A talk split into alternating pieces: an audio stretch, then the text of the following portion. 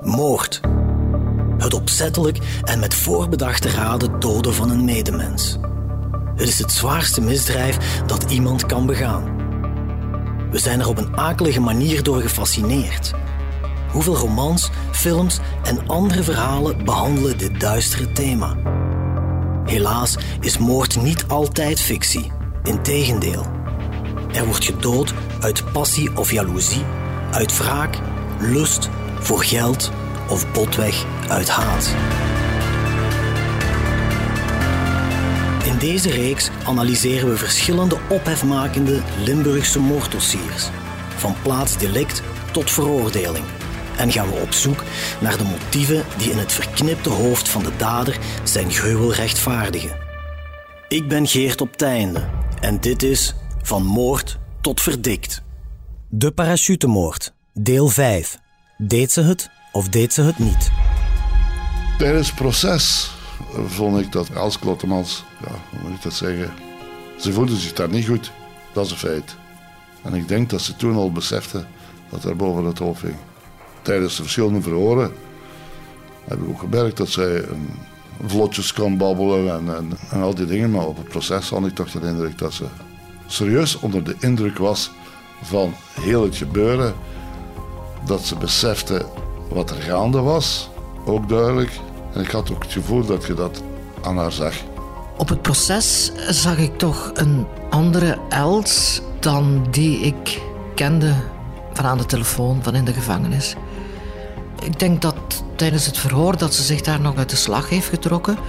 Maar er waren andere elementen. Als je dan bijvoorbeeld uh, het audiovisueel uh, verhoor zag, ja, dan zag je een heel andere Els. Uh, een agressieve, een dominante, ja, een heel ander soort figuur. Als je dat dan zag van de persoonlijke contacten die je hebt gehad en de Els op het proces, dan was voor mij duidelijk: dit is een vrouw met twee gezichten. Het is eind september 2010. Moordonderzoeker Nico Sielissen en gerechtsjournaliste Nancy van den Broek krijgen tijdens het assiseproces van Els Klottemans geen al te fraai beeld van de vrouw die zich moet verantwoorden voor de moord op Els van Doren. Nochtans maakt de beschuldigde aanvankelijk tijdens het verhoor door assisevoorzitter Michel Jordes al bij al een goede indruk. Zo herinnert zittingsdeurwaarder Cyril Lambrik zich. Tijdens het verhoor van voorzitter Jordens ze antwoordde uh, heel goed, stevast op de vragen van voorzitter Jordens. Ze had soms wel een keer een aarzeling en zo.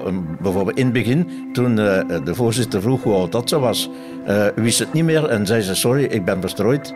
Ja, dat zou kunnen, hè, dat ze verstrooid was. Hè, door de belangstelling en alles in de zaal. En dan herpakte ze zich direct, hè, maar ze probeerde altijd haar woorden haar een uitleg naar voren te brengen. Hè. En met de boogske rond de vragen te gaan, hè, altijd. Hè. Maar meneer Jordens is een geheide voorzitter. Hè. Dat is een, slimme mens. Die had de ervaring hè, uh, om uh, dat vaderlijk te doen. Dat moet ik hem toegeven. Hè. Tijdens de eerste dagen van het proces komen onder meer getuigen aan het woord die uitleggen hoe de noodlottige val van Els van Doren op 18 november 2006 is kunnen gebeuren. Ook gerechtsdeskundige Ronnie Marie, die kort na de dood van de parachutiste al kon vaststellen dat haar valscherm gesaboteerd werd, neemt plaats in de getuigenbank. Maar dat gebeurt niet zonder slag of stoot, want strafpleiter Vic van Aalst, die optreedt voor Els Klottemans, kiest voor de frontale aanval. Ik heb moeten getuigen op het proces en ik vond dat verschrikkelijk. Ik heb zelfs een gegeven moment gedacht, wat heb ik verkeerd gedaan? Want ik werd eigenlijk door uh, de verdediging werd ik eigenlijk zo hard aangepakt dat ik dacht, maar wat heb ik verkeerd gedaan? Ik heb alleen maar mijn job gedaan. En die mensen die gaan heel ver daarin. Vic van Aals, die pakte mij aan, dat, dat hield je echt niet voor mogelijk. toen heb ik hem gezegd, had ik zeg, uh, meester, ik zeg, was ik daar niet geweest, was dat het zoveelste dodelijke ongeval zonder gevolgen. En toen wisten we meer wat zeggen. En toen ik, heb, ik moet eerlijk zeggen, ik heb eigenlijk chance gehad te vermassen. Daar was. Want die heeft mij daar echt gesteund gehad. Hè. Dat moet ik eerlijk zijn. Want ja, ik, vond, ik vond dat verschrikkelijk. Hoe ik aangepakt werd. Ik bedoel maar, je doet wat je moet doen en, en dan gebeurt zoiets. Het is niet de enige tegenslag die de parachute-expert moet incasseren. Want kort na de start van het proces ontvangt voorzitter Michel Jordes enkele brieven waarin zowel Ronnie als Jeff Vermassen, de advocaat van de echtgenoot en de kinderen van Els van Doren, door een onbekende afzender geviseerd worden. Tijdens het proces uh, zijn er meerdere anonieme brieven blijkbaar toegekomen uh, bij de voorzitter.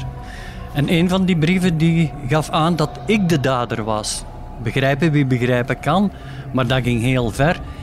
Uh, ik heb er zelfs klacht tegen onbekenden moeten tegen indienen. Dus uh, nee, ik snap wel dat er mensen zijn die hun daar niet goed mee voelen. En ik voelde me daar ook niet goed mee.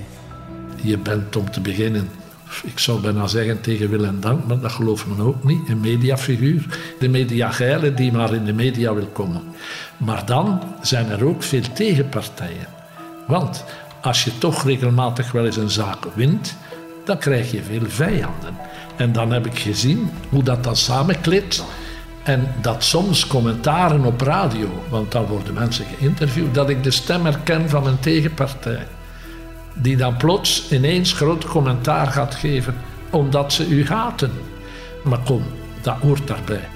Wie ook aan het woord komen, zijn de psychiaters die tijdens het vooronderzoek het gedrag en de geestesgesteldheid van de beschuldigde onder de loep hebben genomen. Het beeld dat zij van Els Klotteman schetsen is ronduit vernietigend. Ze beschrijven de intussen 26-jarige vrouw als een kille, egocentrische, onverbeterlijke leugenaar met psychopathe trekken. Christian Vierendeels, sinds jaar en dag de buurvrouw van Klottemans, reageert verbolgen. Ik weet dat niet, hoe, dat zoiets, allee, hoe dat ze zoiets kunnen zeggen, ik weet dat niet. Er is één bij een uh, psychiater, dat was een, een, dame, en die, die was anders. Maar geen dat ze daarover haar allemaal gezegd hebben in Tongeren, dat is niet, niet, niet leuk vertoerd. Hè. Toch niet als je dan ja, goede, kennis hebt aan elkaar en buurt, buurvrouw zit van, dan ja, zo heb ik jou nooit niet gekend. Nee. Jurgen Kamps, de centrumleider van de parachuteclub in Zwartberg, waar het drama zich afspeelde, zit ook in de assisezaal wanneer Els Klottemans omschreven wordt als een vrouw die kampt met ernstige psychische problemen. Als hij vandaag terugblikt naar de periode kort voor de moord, beseft Jurgen dat er toch wel een aantal puzzelstukjes in elkaar vallen met betrekking tot het gedrag van de hoofdverdachte. Zijn er psychische problemen met Els? Duidelijk. Eh, wat ze heeft, daar zijn de psychologen niet, niet over eens. Dus wie ben ik om daarover te oordelen? Maar achteraf bekeken ga je dan inderdaad, als je dan met elkaar spreekt in de groep, dat zegt dan zie je, toen die dag was er dat en die dag is er dat geweest. Dat dan, dat dan inderdaad zegt, ja oké, dat bevestigt dat er wel een, een, een, probleem was. Als ik nu zou zeggen dat ze overhoop lag met de eigen, dat is dat achteraf praat. Maar je zag bijvoorbeeld op een bepaald moment dat ze toch wel onder stress zat.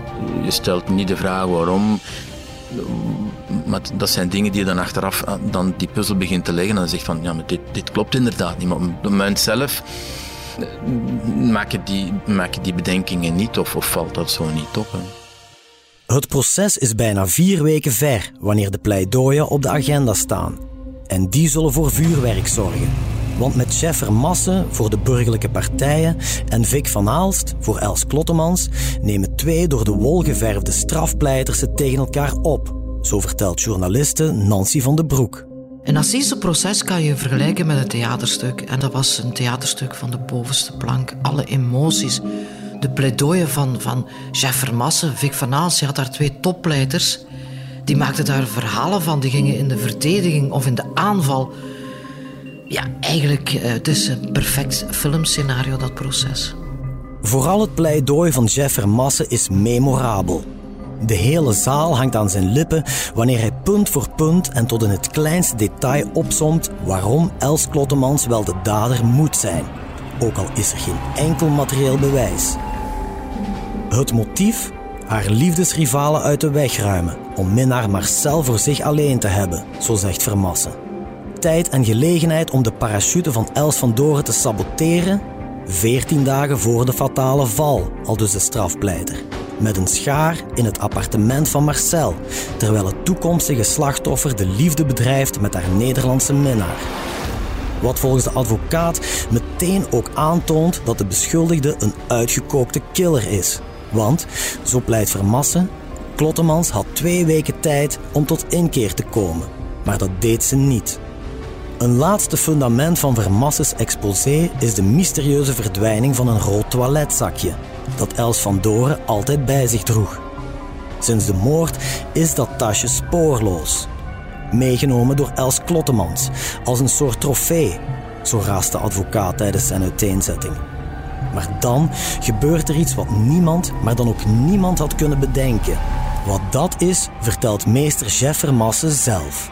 Dus dat tasje, daar heb ik over gepleit en een hypothese opgebouwd. Niet meer dan dat. En gezegd, de kans bestaat dat zij dat bewaard heeft als een soort souvenir, wat heel vaak gebeurt met seriemoordenaars, wat zij niet is, maar ik zeg het maar, dat dat in dat kader dikwijls gebeurt. En dus ik heb opgemerkt van, tja, waar is dat naartoe?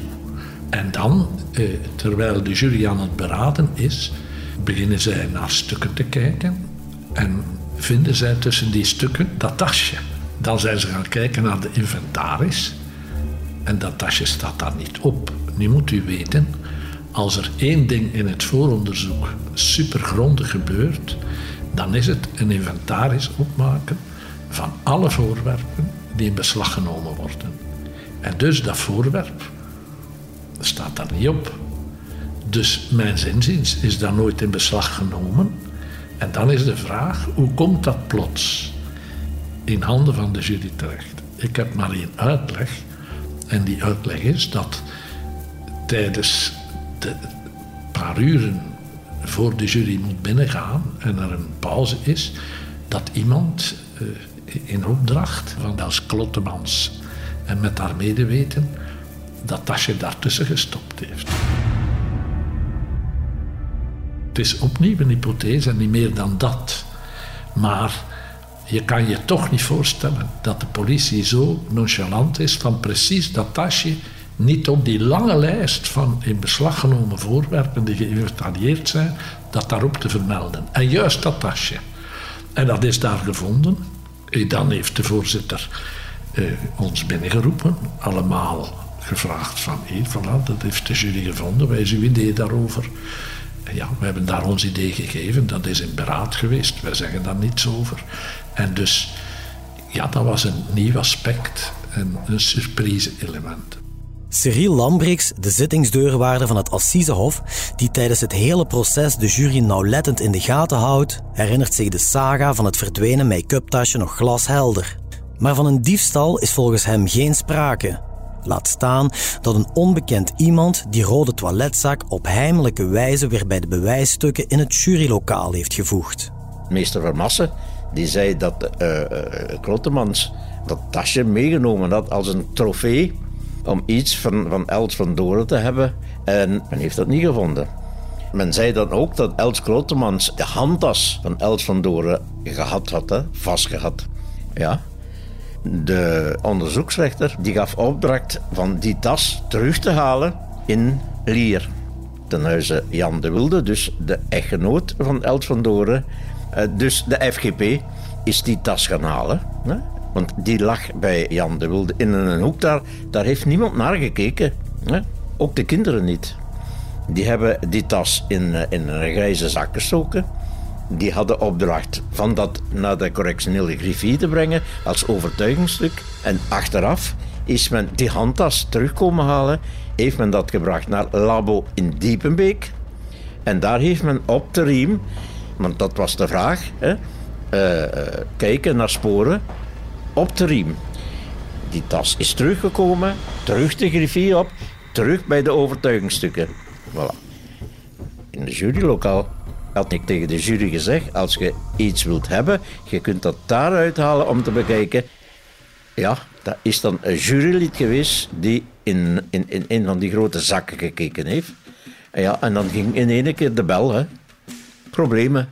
Oh, zeg ja. Iedereen opgetrommeld. Hè. Advocaten, politie en, en, noem maar op. Klotemans was erbij, hè. De Wilde was erbij. En ja, dat jurylid die had dan die tas, die handtas opengedaan.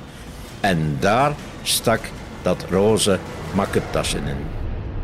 Daar was niks, maar dan ook niks uit weg.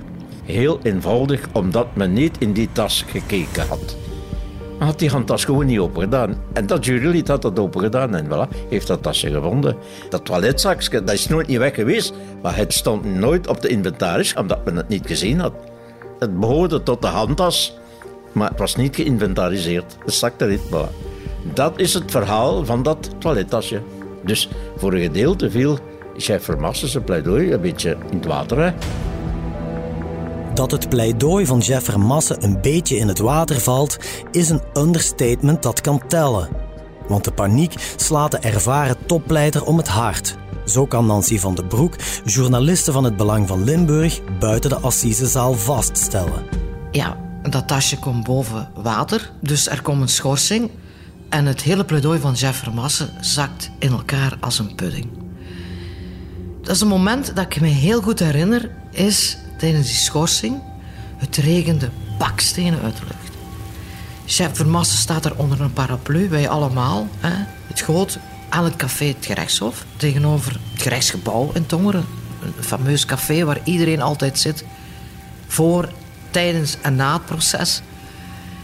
En hij staat rechtop. Dus, eh, de pers natuurlijk rond hem verzameld. En als ik mij goed herinner, hij zat niet alleen in zaken as, maar ik had Jeff Vermassen nog nooit zo gezien. Ik denk zelfs dat hij tot tranen toe bewogen was.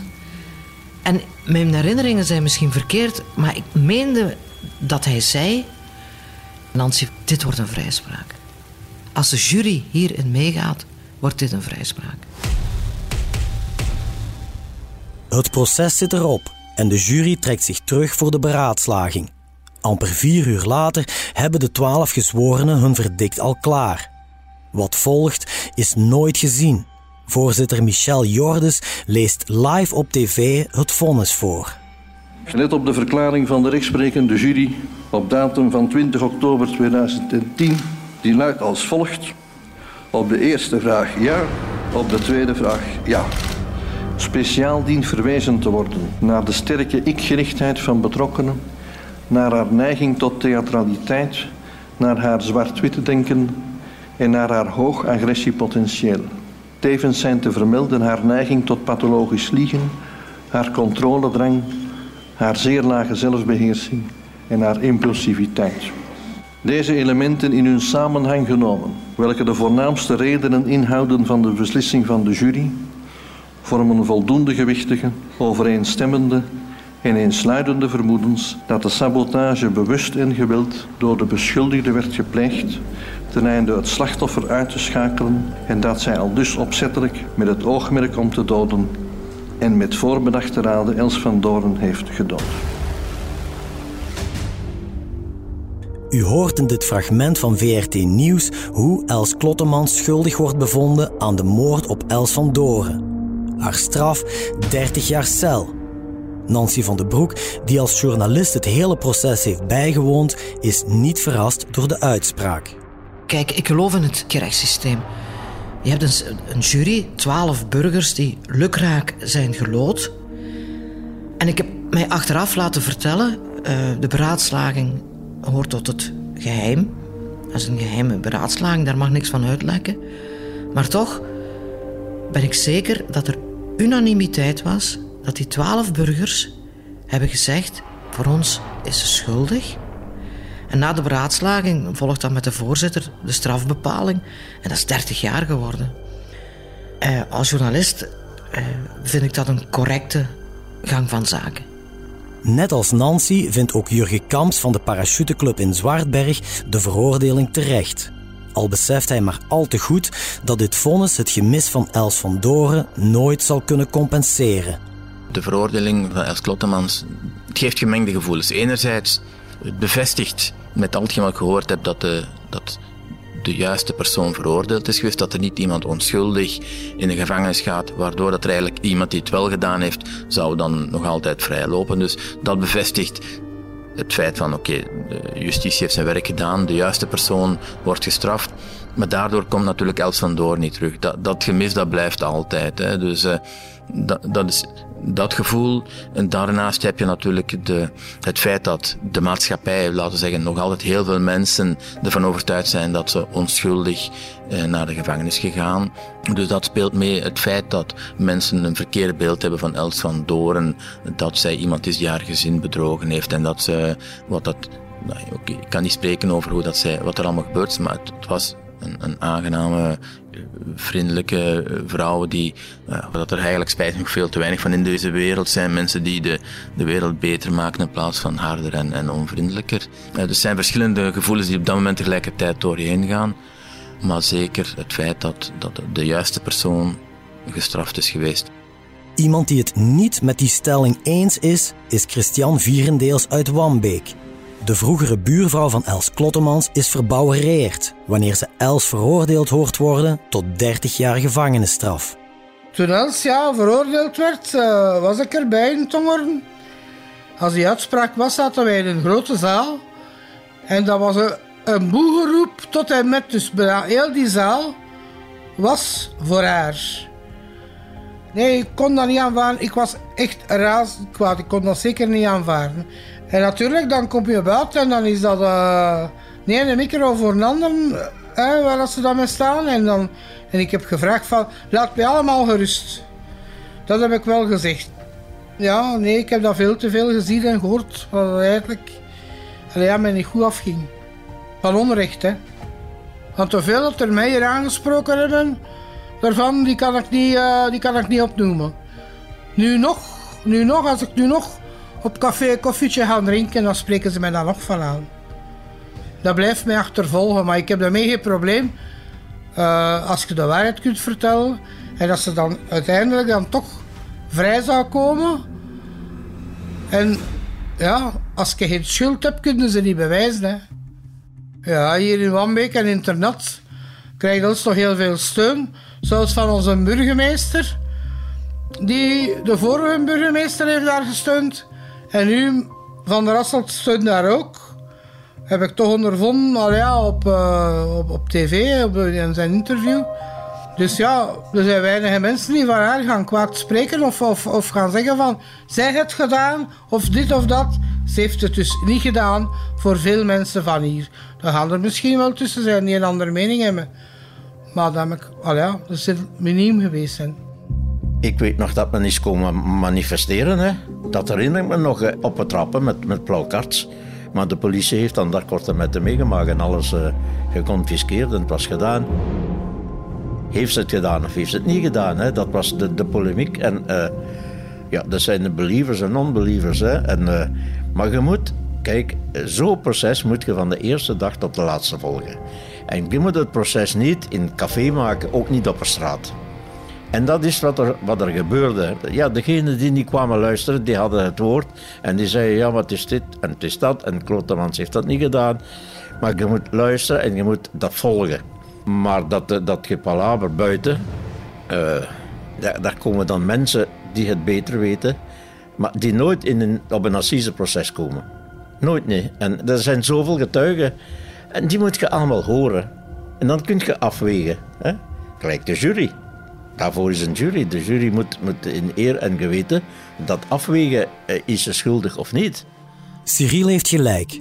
De strijd tussen de believers en de non-believers woedt na de veroordeling van Els Klottemans in alle hevigheid.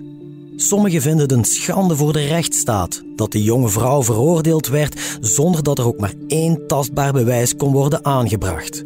Maar zowel erecommissaris Nico Sielissen als advocaat Scheffer Massen leggen die snoeiharde kritiek zeer beheerst naast zich neer. Het element van die believers en non-believers heeft te maken dus met dat materieel bewijs, maar juridisch zijn zo zaken dagelijkse kost, bij wijze van spreken. De hoeveelheid aan aanwijzingen wordt ook beschouwd als een soort materieel bewijs. En dan heb je natuurlijk mensen die geloven niet wat wij onderzocht hebben. En dat werd dan ook nog een beetje versterkt door het feit dat uh, meester Vermassen de advocaat was van de Burgerpartij. Dus er werd gezegd, Vermassen heeft Els Klottemans veroordeeld. Ik zeg dan altijd, Vermassen heeft alleen maar verteld, gepleit, wat wij in het onderzoek naar voren hebben gebracht. En dat was de moeite. Hè. Ik denk niet dat één ter wie kon zeggen van hier zit niet voldoende in. En ik blijf er ook bij zeggen, de jury was aanwezig, heeft heel het verhaal meegekregen en die hebben daar veroordeeld. Dus wat toch bewijst dat er serieuze elementen waren, dat men de tijd genomen heeft om ze allemaal te brengen, maar ook om ze eventueel tegen te spreken. Die mogelijkheden zijn er allemaal geweest en toch is ze veroordeeld. Daar is dagenlang in de cafés en, en, en, en op de terrassen over niet anders gesproken in Vlaanderen en buiten Vlaanderen dan over is zij het of is zij het niet. De publieke opinie had mevrouw Klotteman schitterend bewerkt. Dat moet ik toegeven, maar schitterend. Zij was tijdelijk vrij geweest. Zij heeft daar gebruik van gemaakt om in interviews duidelijk te maken dat zij onschuldig was. Ze heeft een hele sfeer gecreëerd wat eigenlijk alleen psychopaten kunnen, omdat een psychopaat is een gewetenloos persoon die vanuit die afwijkende persoonlijkheid voor niets uit de weg gaat. Een doorsnee mens die een ander doodt, heeft schaamte, heeft gêne, maar psychopaat niet. Een normaal mens die zoiets doet, heeft een rouwproces, die heeft schuld, die, die, zit daarmee, maar psychopaat niet. En dus zij heeft dat feilloos kunnen spelen dat ze totaal onschuldig is. Er zijn eigenlijk twee processen gevoerd. Het proces binnen de rechtszaal, waar ongeveer iedereen overtuigd was, om niet te zeggen iedereen, dat ze schuldig was. En het proces op de straatstenen, waar dan een andere versie naar voren kwam. Maar ik heb dat ondervonden als het proces gedaan was. Dan werd ik op de korrel genomen in bepaalde media. Want ik was eigenlijk een hangstertype. Want stel je eens voor, een onschuldig meisje laten veroordelen en daarvoor uw talent gebruiken, dan bent u eigenlijk zo goed als een gangster. En dus, ik werd daar afgeschilderd als een gewetenloze man. Die was ik dan niet, mevrouw Klottemans, terwijl zij de psychopaat is, ik niet. En dus, ik kreeg daar de wind tegen uit verschillende hoeken. En het eigenaardige was dat dat dan zoals een virus zich verspreid heeft. Maar dat was geen sfeer. Dus proces binnen de zittingszaal, waar iedereen, maar dan ook iedereen overtuigd is van de schuld. En proces buiten de rechtszaal, waar dan heel die mythevorming rond haar en Hans, die twijfel die gecreëerd was door haarzelf voor het proces, werd doorgetrokken. Het is intussen 15 jaar geleden dat de parachutemoord een schokgolf doorheen Limburg, België en de rest van de wereld stuurde. Els Klottemans heeft dus ongeveer de helft van haar straf uitgezeten. De strafuitvoeringsrechtbank van Gent besliste begin oktober dan ook dat de nu 37-jarige vrouw overdag de gevangenis mag verlaten om een opleiding te volgen. Ook mag ze geregeld een weekend doorbrengen bij haar moeder internat. Dat is normaal in de procedure die gedetineerden moeten doorlopen in het kader van hun rehabilitatie.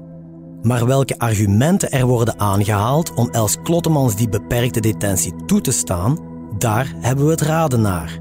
We hebben de vraag voorgelegd aan Klottemans advocaten, maar na verschillende contacten heeft zij uiteindelijk besloten om niet mee te werken aan deze podcast. Waardoor jammer genoeg het mysterie van de parachutemoord opnieuw een extra dimensie krijgt. U hoort voor de laatste keer journaliste Nancy van de Broek strafpleiter Jeff Massen en tot slot speurder Nico Sielissen. Ja, hoe het nu verder zit met Els Klottemans, ik heb eigenlijk geen idee. Uh, de strafuitvoeringsrechtbank heeft haar de kans gegeven om overdag een cursus te volgen, een opleiding of werk te zoeken. En s'avonds moet zij dus terug naar de gevangenis. Waarom die maatregel is genomen, we hebben het raden naar. Meestal moet je ofwel de slachtoffers vergoed hebben of spijt betoond hebben, of moet er een bekentenis zijn. Als ik meester Vermassen moet geloven, is er van een schadevergoeding in sprake, van spijt ook in sprake. Dus ik vraag me af of er een bekentenis is, of er andere zaken hebben meegespeeld die geleid hebben tot haar uh, beperkte detentie. Ik denk dat zij, maar ik weet dat niet, nog altijd niet bekend heeft, maar ik mag het niet weten. Zo is de procedure. En Haar raadsman zegt het me niet en zij zegt het ook niet. Dus ik weet het niet of ze bekend heeft, maar het zou me niet verwonderen dat ze niet bekend, omdat dat ja, haar innerlijke overtuiging geworden is. Zij heeft zichzelf dat wijsgemaakt. En een psychopaat kan dat. Die kan zo zichzelf overtuigen van iets dat een leugen is, maar dat hij op duur de leugen gaat geloven. Dat is de, de scherpste vorm van liegen natuurlijk, dat je het zelf gaat geloven, wat je geloven hebt. En ik denk dat dat hier echt van toepassing is. Als je erbij stilstaat, echt stilstaat, ze doet dat, ze schrijft die riemen door. En dat heeft mij altijd het meeste bezig gehouden ook. Die heeft dus twee weken tijd gehad om het recht te zetten. En zij is slim genoeg om te beseffen dat wat ze gedaan had, dat dat dodelijk kon zijn. Dus had ze dat kunnen rechtzetten en ze heeft het niet gedaan. En wachten en dan meespringen. Dus het echt zien gebeuren. Daar heb ik dus heel veel bij stilgestaan.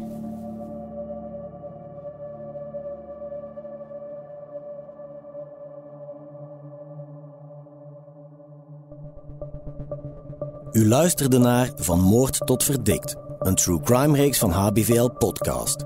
Samenstelling door Geert op Teinde, Nancy van de Broek, Filip Perges en coördinator Cato Poelmans. Montage en audioproductie door Len Melot en Glenn de Gein. Chef podcast is Geert Nies. Reageren? Dat kan via podcast@hetbelangvanlimburg.be. Ben je benieuwd naar meer nieuws en verhalen? Surf naar hbvl.be/voordelig en ontdek onze voordelige leesformules.